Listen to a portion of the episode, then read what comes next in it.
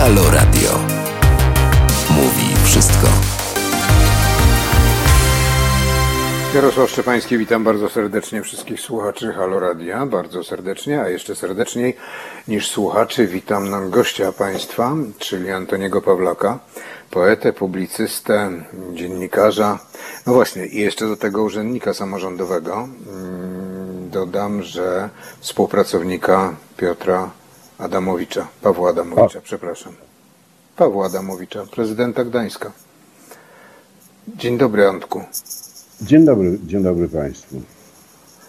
Zasłuchałem się niedawno w czasie komisji sejmowej, chciałem powiedzieć Komisji Kultury w Sejmie, ale powstrzyma, powstrzymałem się od tego słowa kultury e, w czasie komisji prowadzonej przez e, pana Suskiego i panią Lichocką i tam właśnie też Piotr Adamowicz występował e, bardzo ostro i stąd te moje, moje mm, moja pomyłka, ale to mój błąd. Antoni Pawlak, rocznik 52, niewiele młodszy ode mnie, to już tak od razu dodam i zaraz to się wyjaśni dlaczego. E, Autor świeżo wydanej książki Niespodziewany koniec świata. I spodziewany koniec świata to tak właściwie można by powiedzieć, że nawiązanie do pisowskich rządów, ale to było.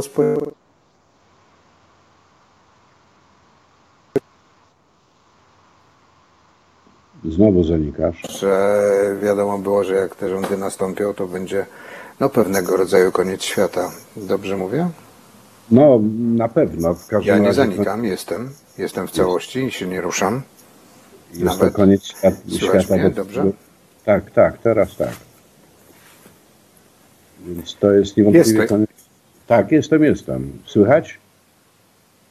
Koniec świata, do jakiego przywykliśmy. Dokładnie. Dokładnie. To Tak, bardzo koniec- dobrze. Koniec naszego świata.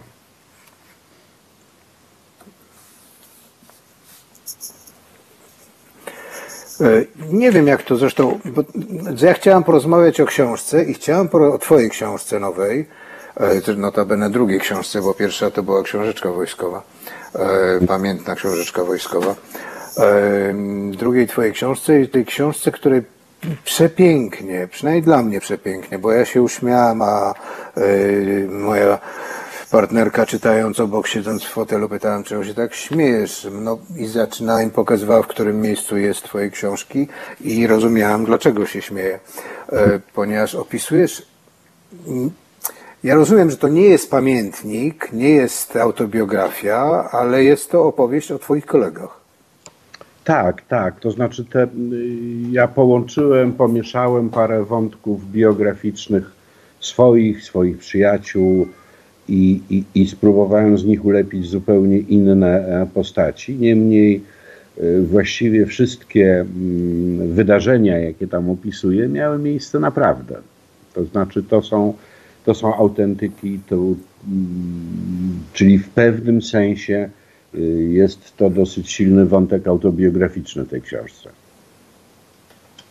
No tak, nawet tam wspominasz o takim jednym bucu, o którym opowiadają bohaterowie, co mnie bardzo Tak. rozbawiło. No, bardzo to ładnieś to ujął. Dobrze, ale chciałem tak. Bo ja sobie myślę, że ta książka to powinna być lekturą obowiązkową. No może nie tak obowiązkową, żeby nie zniechęcić od razu, ale taką lekturą, która powinna być czytana przez ludzi następnych pokoleń i to chyba tych pokoleń bardziej, które mają dzisiaj lat 20 do 30, e, bo ona tłumaczy w jakiś sposób to, co się działo e, w latach e, 50., 60., i 70.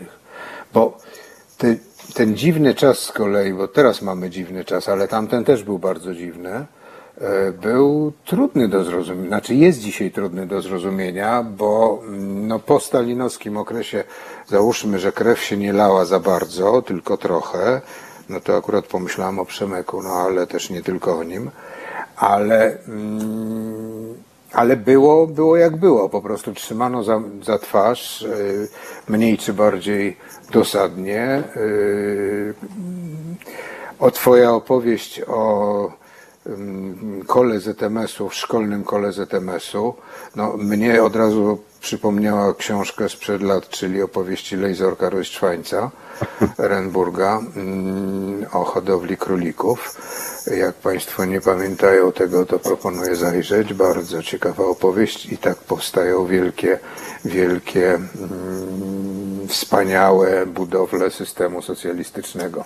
Chociaż nie, bo może też i korporacje też tak działają. Ten ZMS, ci ludzie, którzy byli wtłaczani w system, mniej czy bardziej świadomie, i ludzie, którzy w większości po prostu no, chcieli żyć, nie mając, e, nie mając pomysłu na to, czy cokolwiek się może zmienić. Ja myślę, że e, my dzisiaj, e, szczególnie ci młodsi od nas, żyją w takim absurdalnym micie, że komunizm niczym się nie różnił od okupacji, że praktycznie 100% narodu było przeciwko i się buntowało. To wszystko jest przecież nieprawda. To był w miarę normalny kraj i nikt z nas sobie nie wyobrażał, że będziemy żyli w innym kraju, w innych warunkach i tak dalej. Czyli mm, jakby to, co dla nas było ważne, to w jakiś sposób usytuować się w tym kraju, który był nam dany. Czyli współuczestniczyć. No tak, bo chodziliśmy, niektórzy chodzili, był koncert Rolling Stonesów, no akurat na nim to było inaczej, bo, y, bo y, były dwa koncerty i to niewiele osób na nim było, na nich było, ale wszyscy starali się gdzieś jakoś normalnie, normalnie żyć, no, w tym No tak, bo jakby nie mieliśmy innego. świecie. Mm, dokładnie. No tak, trzeba było albo wyjechać, albo wyjechać, albo starać się, y, starać się żyć, no tu aż słowa brakuje, normalnie żyć, no żyć jakoś tak y, znośnie. Nie No. no, w jakiś sposób normalnie. Wiesz, znaczy, myślę, że większość z nas zdawała sobie sprawę z pewnych absurdów. Na przykład dla mnie takim absurdem było, ta, było to, że tak zwana muzyka rock'n'rollowa na całym świecie była de facto muzyką antywojenną, antywojskową, antysystemową. Tymczasem nasze zespoły, tak zwane big beatowe, występowały na festiwalu piosenki żołnierskiej w Kołobrzegu i nikt nie widział w tym żadnego dysonansu. no tak, ale żeby tamte zespoły zrozumieć, to trzeba było jeszcze zrozumieć e, teksty piosenek, a angielski nie był e, nie, zbyt rozpowszechnionym językiem też, to tak jak i dzisiaj e, w świadomości społecznej, czy znajomości społecznej. Ja się nie nauczyłem angielskiego nigdy z dwóch e, powodów. Po pierwsze, dlatego, że byłem przekonany, że to nigdy nie będzie mi potrzebne, bo nigdy mi się nie uda stąd wyjechać. A po drugie, miałem żonę, która była anglistką, więc tak jakby w połowie byłem anglistą. No tak, to jest ten, ten problem, który, który jest mi, nie jest mi obcy. O, czy miałem żonę iberystkę, tak? No, No. Jak pamiętasz. Mm, Mam takie pytanie dotyczące, dotyczące mm, Twojej książki, ale nie tylko. Bo Ty jesteś usytuowany w tej książce bardzo mocno y, osadzony w Gdańsku.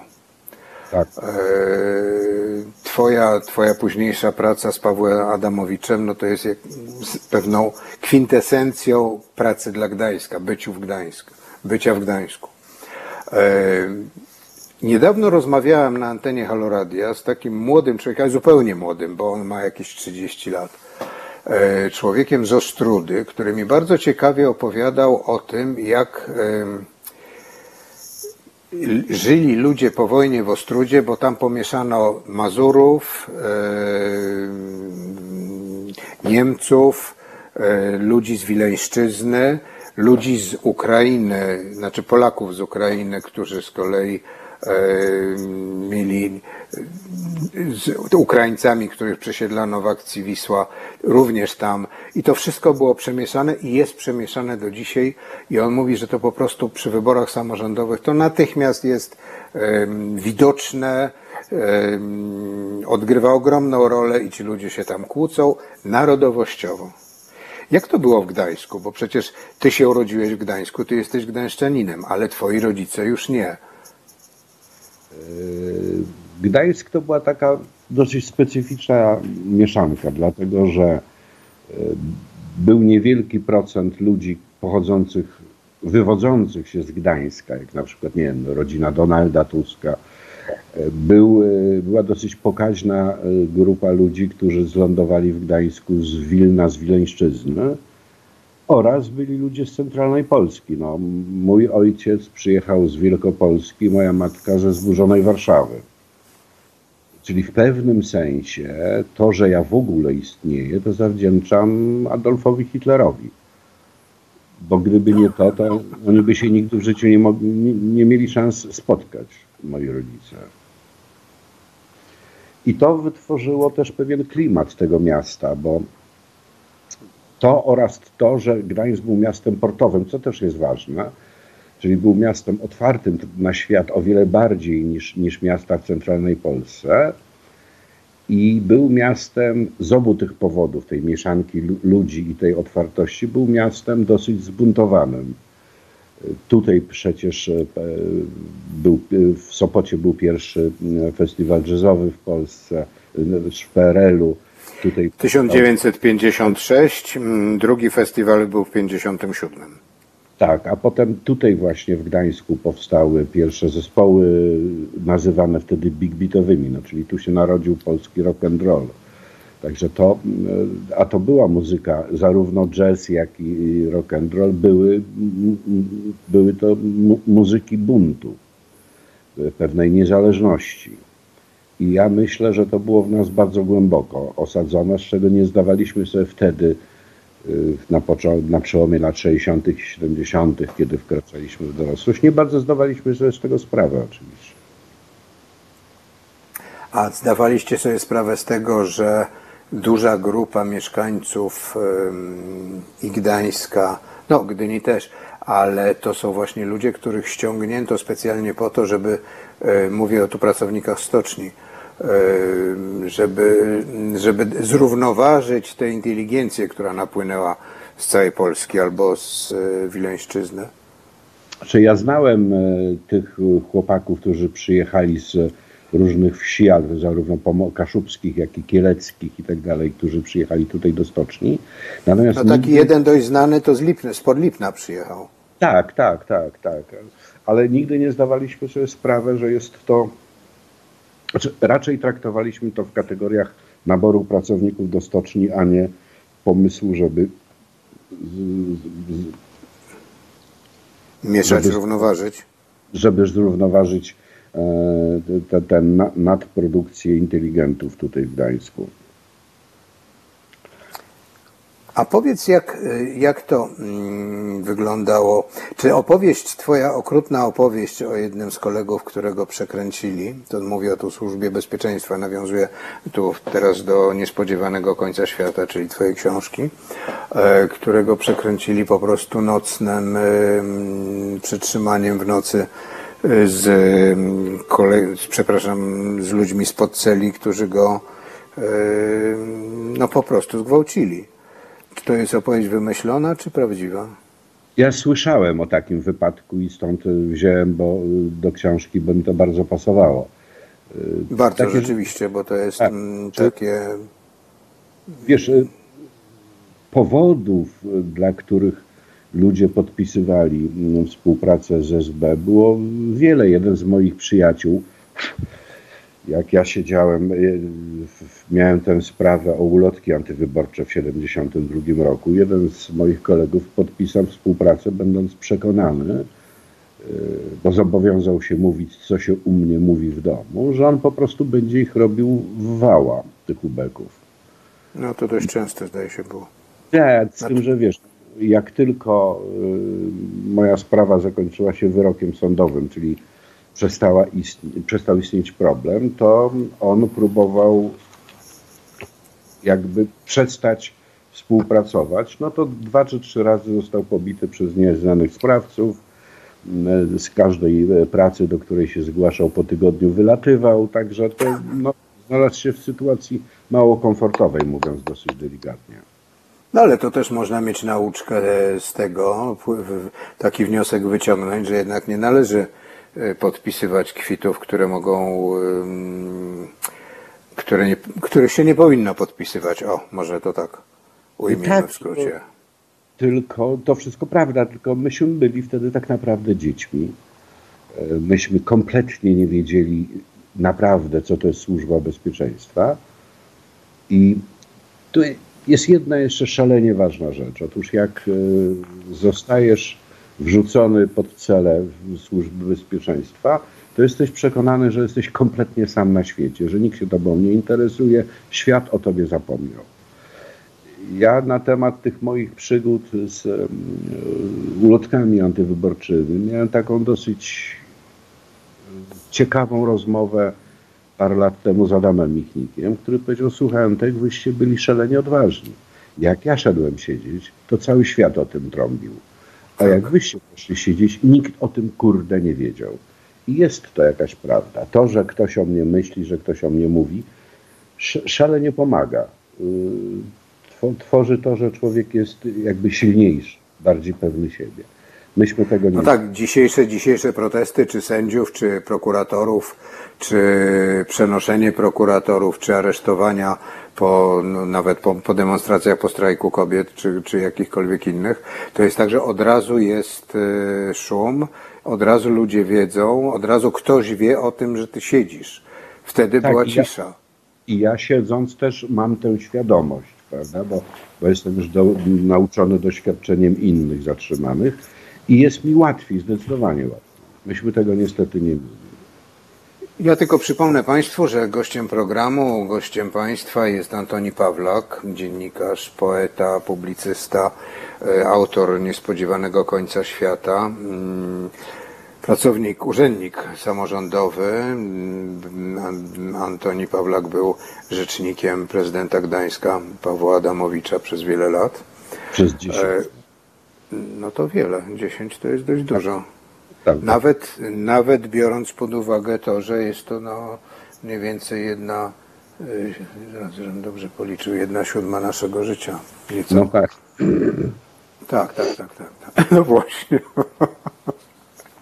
Rozmawiamy o, mm, no właśnie, rozmawiamy nie tylko o książce, o książce rozmawiamy mniej, rozmawiamy o tym, jak to było wtedy i jak trudno jest chyba zrozumieć, bo to mi się tak wydaje, że trudno jest wytłumaczyć e, ludziom, którzy nie żyli w PRL-u, jak mimo wszystko, nie był to okrutny reżim, tylko było to po prostu okrutne życie e, takie przez swoją normalność, przez to, że wszyscy starali się być, żyć normalnie, być normalnymi, jakoś normalnie te mieszkania pozyskiwać, e, domy pozyskiwać, mieć żony, dzieci e, i, i kombinować, bo to była też podstawa, co, co zresztą weszło chyba Polakom w krew.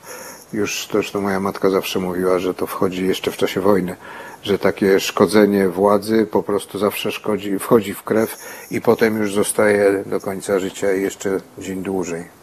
No niestety tak, niestety tak. Z tym, że ja myślę, że tak naprawdę nigdy się ci młodsi od nas nigdy nie zrozumieją, czym był PRL tak do końca. Tak jak my z kolei nigdy nie byliśmy, myślę, w stanie tak do końca zrozumieć, na czym polegała okupacja w czasie II wojny światowej. Bo znaliśmy ją tylko fragmentarycznie. To, co jest najważniejsze, to znać yy, tak zwany dzień, dzień codzienny, sposób myślenia, sposób właśnie yy, kombinowania, yy, chęć ułożenia sobie właśnie jakiegoś, uwicia sobie swojego własnego szczęścia w tym, w tym całym nieszczęściu, które się wokół nas dzieje. Tak, i to są, y, i nie można nigdy ani do PRL-u, ani do chociażby te, umownie II wojny światowej przykładać jakichkolwiek innych y, sytuacji, bo one są po prostu no, niepowtarzalne. No, trudno rozmawiać o kimś, co miał zrobić. y, To, ja tu akurat konkretnie o nie tyle swojej historii, co o historii mojej, mojej matki. Trudno mi mówić, jak cokolwiek bym zrobił, gdybym nią był w tamtym czasie, tak? Czyli wiedząc, że wyjdzie na ulicę, źle spojrzy, e, to natychmiast jest. e, Niemcy jej nie rozpoznają, ale rozpoznają. e, No, no właśnie, Sąsiedzi. Polacy, sąsiedzi, sąsiedzi, tak. Ci sąsiedzi to u, u, z, z grosa wyszli zupełnie jakoś tak. mm, Stało się to łatwiejszym słowem niż, niż mówienie na przykład, że Polacy. Tak, i, i to jest naprawdę nie do, nie do wyobrażenia sobie, jak, e, jak to było inaczej. Tak, i stąd ja jestem bardzo ostrożny, jak słyszę wszelkie potępienia ludzkich zachowań z tamtego czasu. E, Pamiętasz może, jak e, ówczesny poseł Antoni Macierewicz Tak. wykonał tę ustawę antykomun- lustracyjną, prawda? I tam wśród O, pamiętam. No, i tam wśród tych y, rzekomych agentów lub prawdziwych agentów znalazło się nazwisko mecenasa Chrzanowskiego. Wówczas chyba marszałka. e, Sejmu i partyjnego. No właśnie. Z, z tego co wiem, mecenas Chrzanowski rzeczywiście podpisał współpracę, siedząc w celi śmierci. Otóż nikt nie ma prawa e, oceniać takiego postępowania.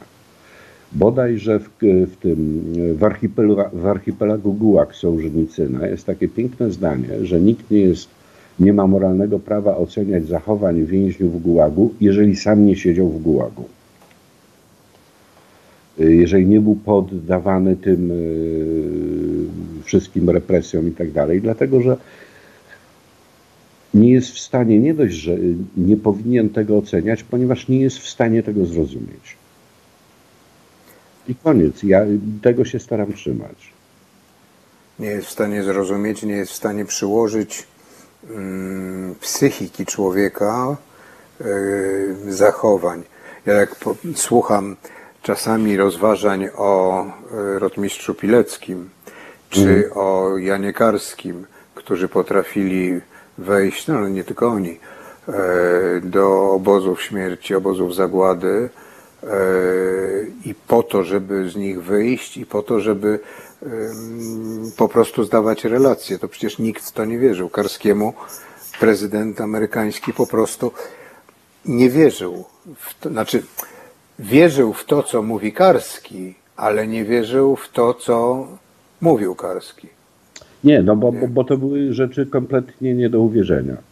Ja pamiętam, że w latach, gdzieś pod koniec lat 70., m- jeden z moich przyjaciół się zwrócił do mnie, żebym napisał y, dla takiego kwartalnika bodajże wychodzącego w Wielkiej Brytanii Index and Censorship mm, tekst o polskiej cenzurze. Tylko mówi, słuchaj, nie pisz, że tam kastrują jakieś dzieła naukowe czy literackie, bo to się zdarza na świecie, tego, tego nikt nie, kupi. Natomiast jeżeli napiszesz, że to, że jeżeli chcesz mieć pieczątkę taką, żeby podstępować papiery, to też musisz mieć zgodę cenzury, to to już zrobi wrażenie na Zachodzie. I chyba tak troszeczkę jest. To znaczy absurd był tak wielki, że tylko pewne rzeczy mm, były w stanie przemówić do ludzi, którzy tego nie doświadczyli. No, absurdy, które z filmu, który się, który jest z roku bodajże 69, e, 1969 e, i który do dziś jest oglądany i wzbudza salwy śmiechu w dalszym ciągu, to przecież absurdy z tego filmu, mówię oczywiście o Rejsie Piwowskiego, e, są z jednej strony absurdalnymi tekstami, które były i sytuacjami, które miały miejsce, a z drugiej strony takimi tekstami, które mm, mogły przejść przez cenzurę. I to przechodziło. Dokładnie, czyli musiało być pewne wypośrodkowanie, bo pewnych rzeczy i tak nie można było powiedzieć i tak. Tutaj jakby cała zabawa twórców polegała na tym, żeby pewne rzeczy tak przemycić, żeby cenzura to kupiła. by, by była to swoista duża umiejętność.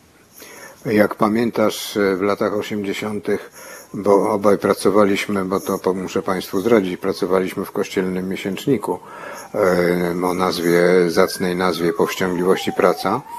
E, Jak e, staraliśmy się wydrukować tekst profesora Bronisława Geremka o spisku trędowatych we Francji na początku XIII wieku, e, XIV wieku, to, to leżało przez kilka miesięcy w cenzurze i nie chcieli, cenzura nie chciała się przyznać, że ma zapis na nazwisko Geremka, tylko kombinowali, co zrobić, no bo wy coś chcecie tym tekście przemycić. No oczywiście, że chcieliśmy, bo tekst był o tym, że skazano ludzi e, i wszystkie dokumenty o tym, że był spisek trędowatych pochodzą z e, zapisków sądów kościelnych, czyli inaczej mówiąc, co oni zeznawali mm, w czasie tortur. Tak, ale jedyne zapiski. w ogóle tak. z tamtego czasu ja pamiętam taką kuriozalną zupełnie sytuację. Otóż, e, jak być może pamiętasz, Irek Krzemiński kiedyś wymyślił, żeby zrobić taki nu- numer monograficzny o hipisach, mówiąc w skrócie. I to powstało, kilka tekstów było, poszło do cenzury i zadzwonił cenzor. Ja akurat odebrałem telefon i byłem jakby upoważniony do rozmów z cenzurą, bo, bo byłem sekretarzem redakcji. I powiedział, że Ładnie to zabrzmiało, jakby upoważniony do rozmów. To akurat Tak. wyszło dobrze. I, i, I tam miał rozliczne uwagi i w końcu powiedział, wie pan, bo nie, nie, nie tak wyglądał ruch hipisowski. Ja mówię, wie pan, no ale ja akurat brałem w tym udział. Ja też byłem hipisem, odpowiedział cenzor, co mnie po prostu zatkało zupełnie. Cen, hipis, który potem pracuje w cenzurze, to jest ja, ja, jakaś, jakieś absolutne dziwadło. Tak? No dobrze, a hipis, który jest marszałkiem Sejmu? No więc chciałem powiedzieć, że to się przekłada też na dzisiejsze, ponieważ wicemarszałek Sejmu też był jednym z najbardziej znanych polskich hipisów. Tak? O ksywce pies skądinąd. Obsysce pies, tak. Ja go wtedy właśnie poznałem e, w Krakowie, jak byłem i strasznie go polubiłem. Ba- Bardzo fajnym facetem mi się wydawał, a teraz to odszczekuje spod stołu. No nawet możesz wejść na stół i szczekać, chociaż rzeczywiście taką funkcję, takie wyroki były, że trzeba odszczekiwać. Ale to w Polsce mm, szlacheckiej to było parę wieków temu, że trzeba odszczekać to, co mm, wejść pod ławę i odszczekać to, co się powiedziało, a było oczernieniem kogoś. No tutaj chyba, chyba akurat nie było takim, znaczy nie jest takim oczernieniem. E, Jak można próbować próbować, y, no to to jest moje stałe, stałe myślenie, edukować y, ludzi. Bo wiem, że my jak zaczynamy rozmawiać, opowiadamy, no to siedzą starcy y, nad grobem, wspominają generalną gubernię albo jakieś późniejsze lata, bo to w końcu jest niewielka różnica w czasie dla ludzi młodych. Jak ich przekonywać ym, do, po pierwsze do tego, że nie można dawać e, jednoznacznych ocen różnych sytuacji, a po drugie, jak im w ogóle mówić o tym? Więc to jest e, szalenie trudne, myślę, jeżeli w ogóle możliwe, dlatego że e, weź pod uwagę na przykład niebywałą popularność dzisiaj filmów Barei. E, Dla nas filmy Barei, wtedy jak, jak się ukazywały na ekranach, to była karykatura PRL-u. Dla moich dzieci, już dorosłych, to jest teatr absurdu. To się nie dzieje nigdzie, to jest zabawne, ale to nie ma żadnego styku z rzeczywistością. I A dla nas to miało mm, całkowity styk z rzeczywistością, bo to było rzeczywistością. No więc właśnie, i tutaj moje próby tłumaczenia, że jednak to tak troszeczkę było, no to no, no dobrze, to co, były sztućce na łańcuchu? No nie no, ale ja pamiętam w barze na Żeromskiego w Warszawie były e, szklanki na łańcuchu. Ale czy szklanki na łańcuchach nie były przy saturatorach, czyli tych W saturatorach też były, tak. Były. Były. Były. Saturator to było coś takiego, że można tam było kupić wodę, która miała trochę sodu i była gazowana. A i czasami z sokiem. Mhm. czasami z sokiem, sokiem była droższa. Potocznie się to nazywało gruźliczanką, ponieważ e, te szklanki były takiego mycia pobieżnego. Tak na takie przepłukanie właściwie. No właśnie, no właśnie. No tak, ale z drugiej strony na przykład, o tutaj powiedziałeś o Barei, to przecież w wersji już po, po PRL-owskiej, em, kiedy przywrócono jeden z fragmentów któregoś odcinka w Alternatywie 4, al- o- fragmentu, którego cenzura nie puściła, a fragment dotyczył, y, pewnie już pamiętasz o czym mówię, o czym myślę, fragment dotyczył rozmowy profesora mieszkającego na tej Alternatywie 4, y, Foyt go grał, nieżyjący już oczywiście, i, i ta rozmowa telefoniczna polegała, on coś mówi, słucha, co ktoś mówi do niego i mówi, no nie, po, powiedz o co ci, nie jąkaj się, tylko po, powiedz o co, o co ci chodzi. I wiadomo było, że on rozmawia niby z Michnikiem. Tak? Tak, Tego tak, cenzura nie puściła. Ale to było wiadomo też tylko dla wtajemniczonych. No tak, no tak, no właśnie, no właśnie. No właśnie, to jest tak jak z dzisiejszą, e, z, dzisiejszą rozmową na temat tego, co się dzieje. Jeżeli ludzie się dzielą na tych, którzy oglądają TVP i tych, którzy tego nie oglądają, to ci, ci co nie oglądają czego innego, a tylko TVP, to po prostu nie wiedzą, co się dzieje innego. I Nie, tu i- zaczyna być... I porozumienie między jedną a drugą grupą y, oglądaczy telewizyjnych jest, jest też praktycznie niemożliwe, bo oni właśnie obserwują dwie zupełnie inne rzeczywistości.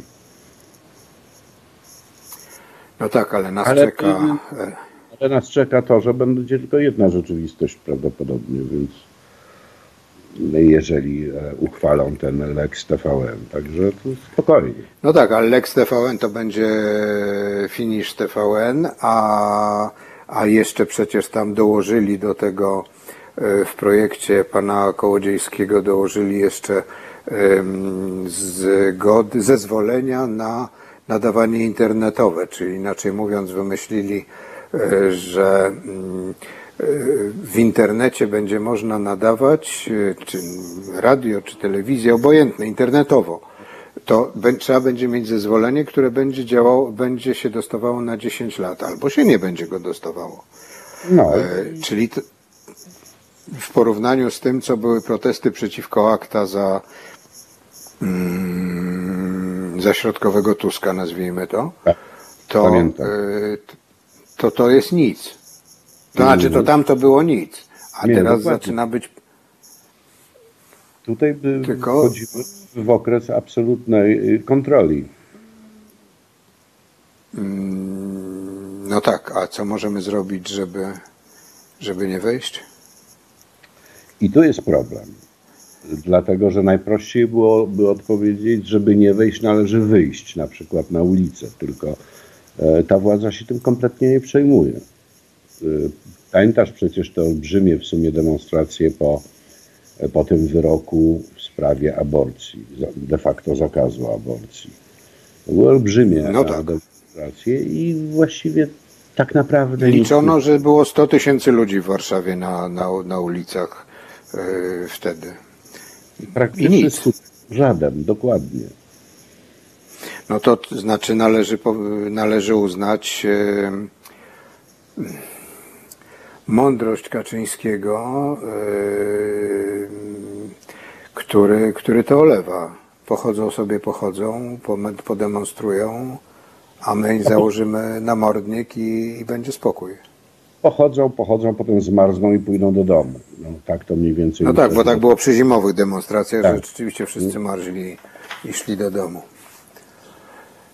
Nie, no tutaj po- porównanie z latami 80. też właściwie jest.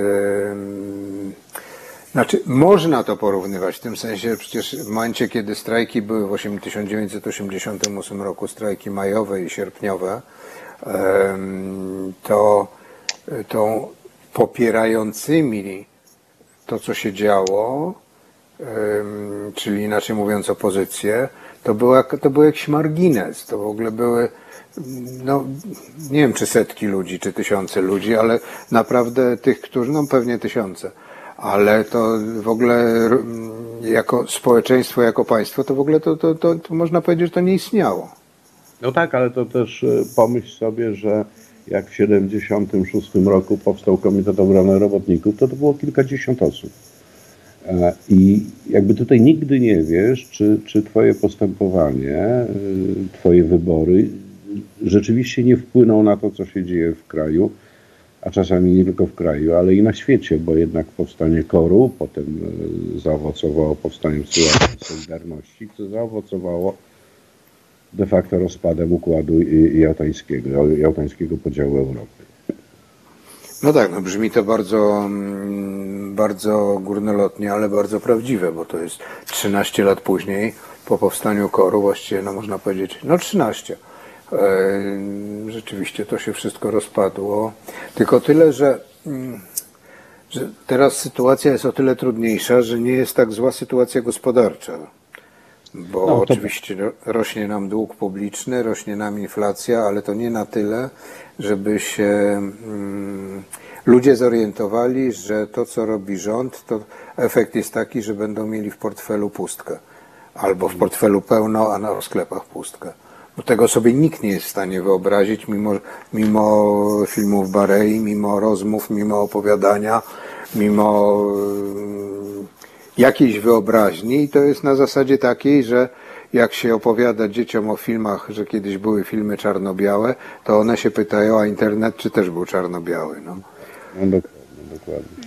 Słuchaj, albo jeszcze y, m- porównałeś to, co się dzisiaj dzieje z latami 80., to weź też pod uwagę to, że znienawidzony przez nas wówczas, w latach 80., Jerzy Urban, który de facto kreował propagandę rządową, się okazał przy Jacku Kurskim cienkim bolkiem po prostu, który pracował w rękawiczkach. Tego też żeśmy sobie, myślę, wtedy nie byli w stanie wyobrazić, że coś takiego może nastąpić. Że może być uczeń, który przewyższy mistrza. Nie, dokładnie, dokładnie. Bo wydawało się, że jakby to, co robi Jerzy Urban, to, co mówi Jerzy Urban, to było dojściem do ściany. Się okazało, że żadnej ściany nie ma. No tak, tylko że pytanie, czy to nie jest dlatego, nie było dlatego, że były, e, było coś, czego no, póki co częściowo jest. Chodzi mi o to, że była, było Radio Wolna Europa, było e, BBC p- po polsku, było Radio France International po polsku, Deutsche Welle po polsku, co jeszcze? No wystarczy. Ja, Głos Ameryki jeszcze był. po- Ale teraz masz Po internet, polsku. masz TVN i to niczym nie przeszkadza e, Jackowi Kurskiemu. Znaczy, ja wtedy, w latach 80., dosyć nałogowo oglądałem dziennik telewizyjny. I jak dzisiaj oglądam wiadomości, to ten dziennik telewizyjny był y, no, pełen stonowania i, i kultury, nawet w tych najbardziej, jak nam się wtedy wydawało, chamskich atakach e, propagandowych. Bo tak ostrej propagandy i tak bezwzględnej, jak dzisiaj w wiadomościach, to po prostu nie było. No tak, oglądałem wiadomości mm, przed wyborami, właściwie w trakcie wyborów, e, przed i w trakcie wyborów e, kolejnych, opra- opracowując e, różne relacje z tego, z tego dzieła, mm, które no to to, jak sobie czasem myślę, porównuję rok 2005, wybory, odpowiadałem za, za wybory w TVP wówczas, za to jak były przedstawiane, jak było, co było, co się działo i jak było ważone, co do sekundy były ważone to, żeby wystąpienia różnych stron y, równoważyły się, no to, no to to wydaje się być inną bajką, innym światem, innym w ogóle nieporównywalnym z No, kolei. dokładnie. Ktoś jest w stanie zrozumieć, że było tak, jak ty mówisz. No, sądzę, że nikt nie wierzy, bo ludzie nie pamiętają, albo nie chcą wierzyć, albo, albo uważają, że to, co jest dla nich, mm, jest bardziej prawdziwe. Bo widzą Nie, do, dobro w sklepach, dobro. A poza tym mamy coś takiego, taki mechanizm w pamięci, który każe nam a, albo pamiętać rzeczy dobre, które nas spotkały, natomiast te złe przetrwają w nas w formie anegdoty. Tak? Doszukujemy się w tych traumatycznych e, e, wydarzeniach jakiegoś rysu właśnie anegdoty, humoru i to też bardzo spacza naszą pamięć o tamtych czasach. No, Marian Turski jak e, rzadka opowiada o Marszu Śmierci z Auschwitza, miał wtedy kilkanaście lat, to, to raczej to w formie anegdoty mu nie wychodzi, no ale, no ale może nie można już w ogóle niczego z niczym porównywać.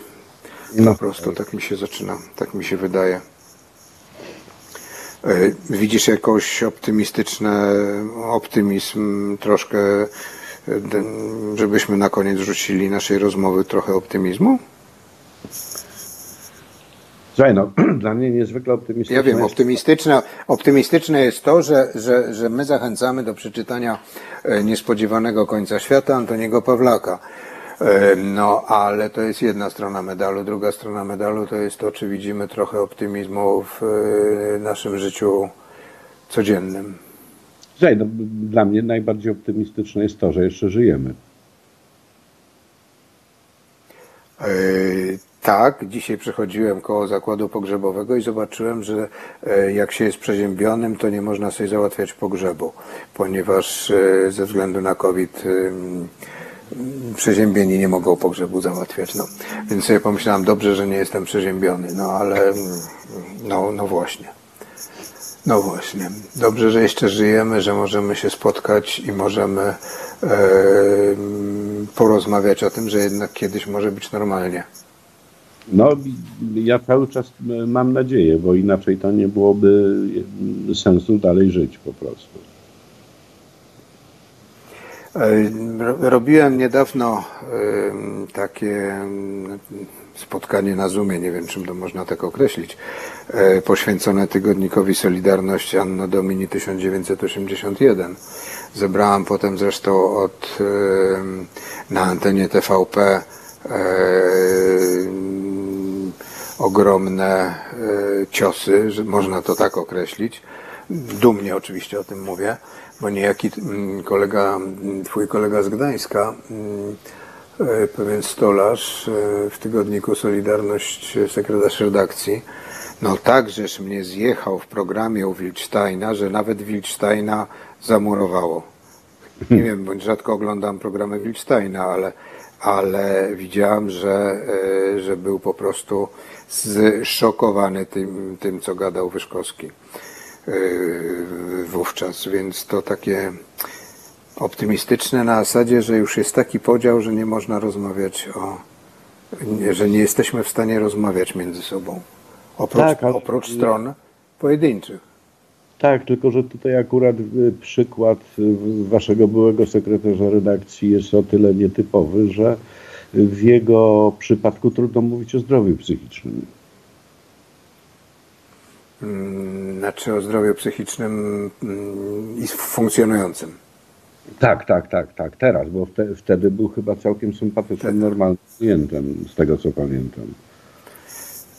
Mm, Że szczególnie dziewczęta to pamiętają bardzo, bardzo dobrze, bo to akurat też e, pamiętam różne, różne dyskusje i różne problemy, które z tym się wiązały.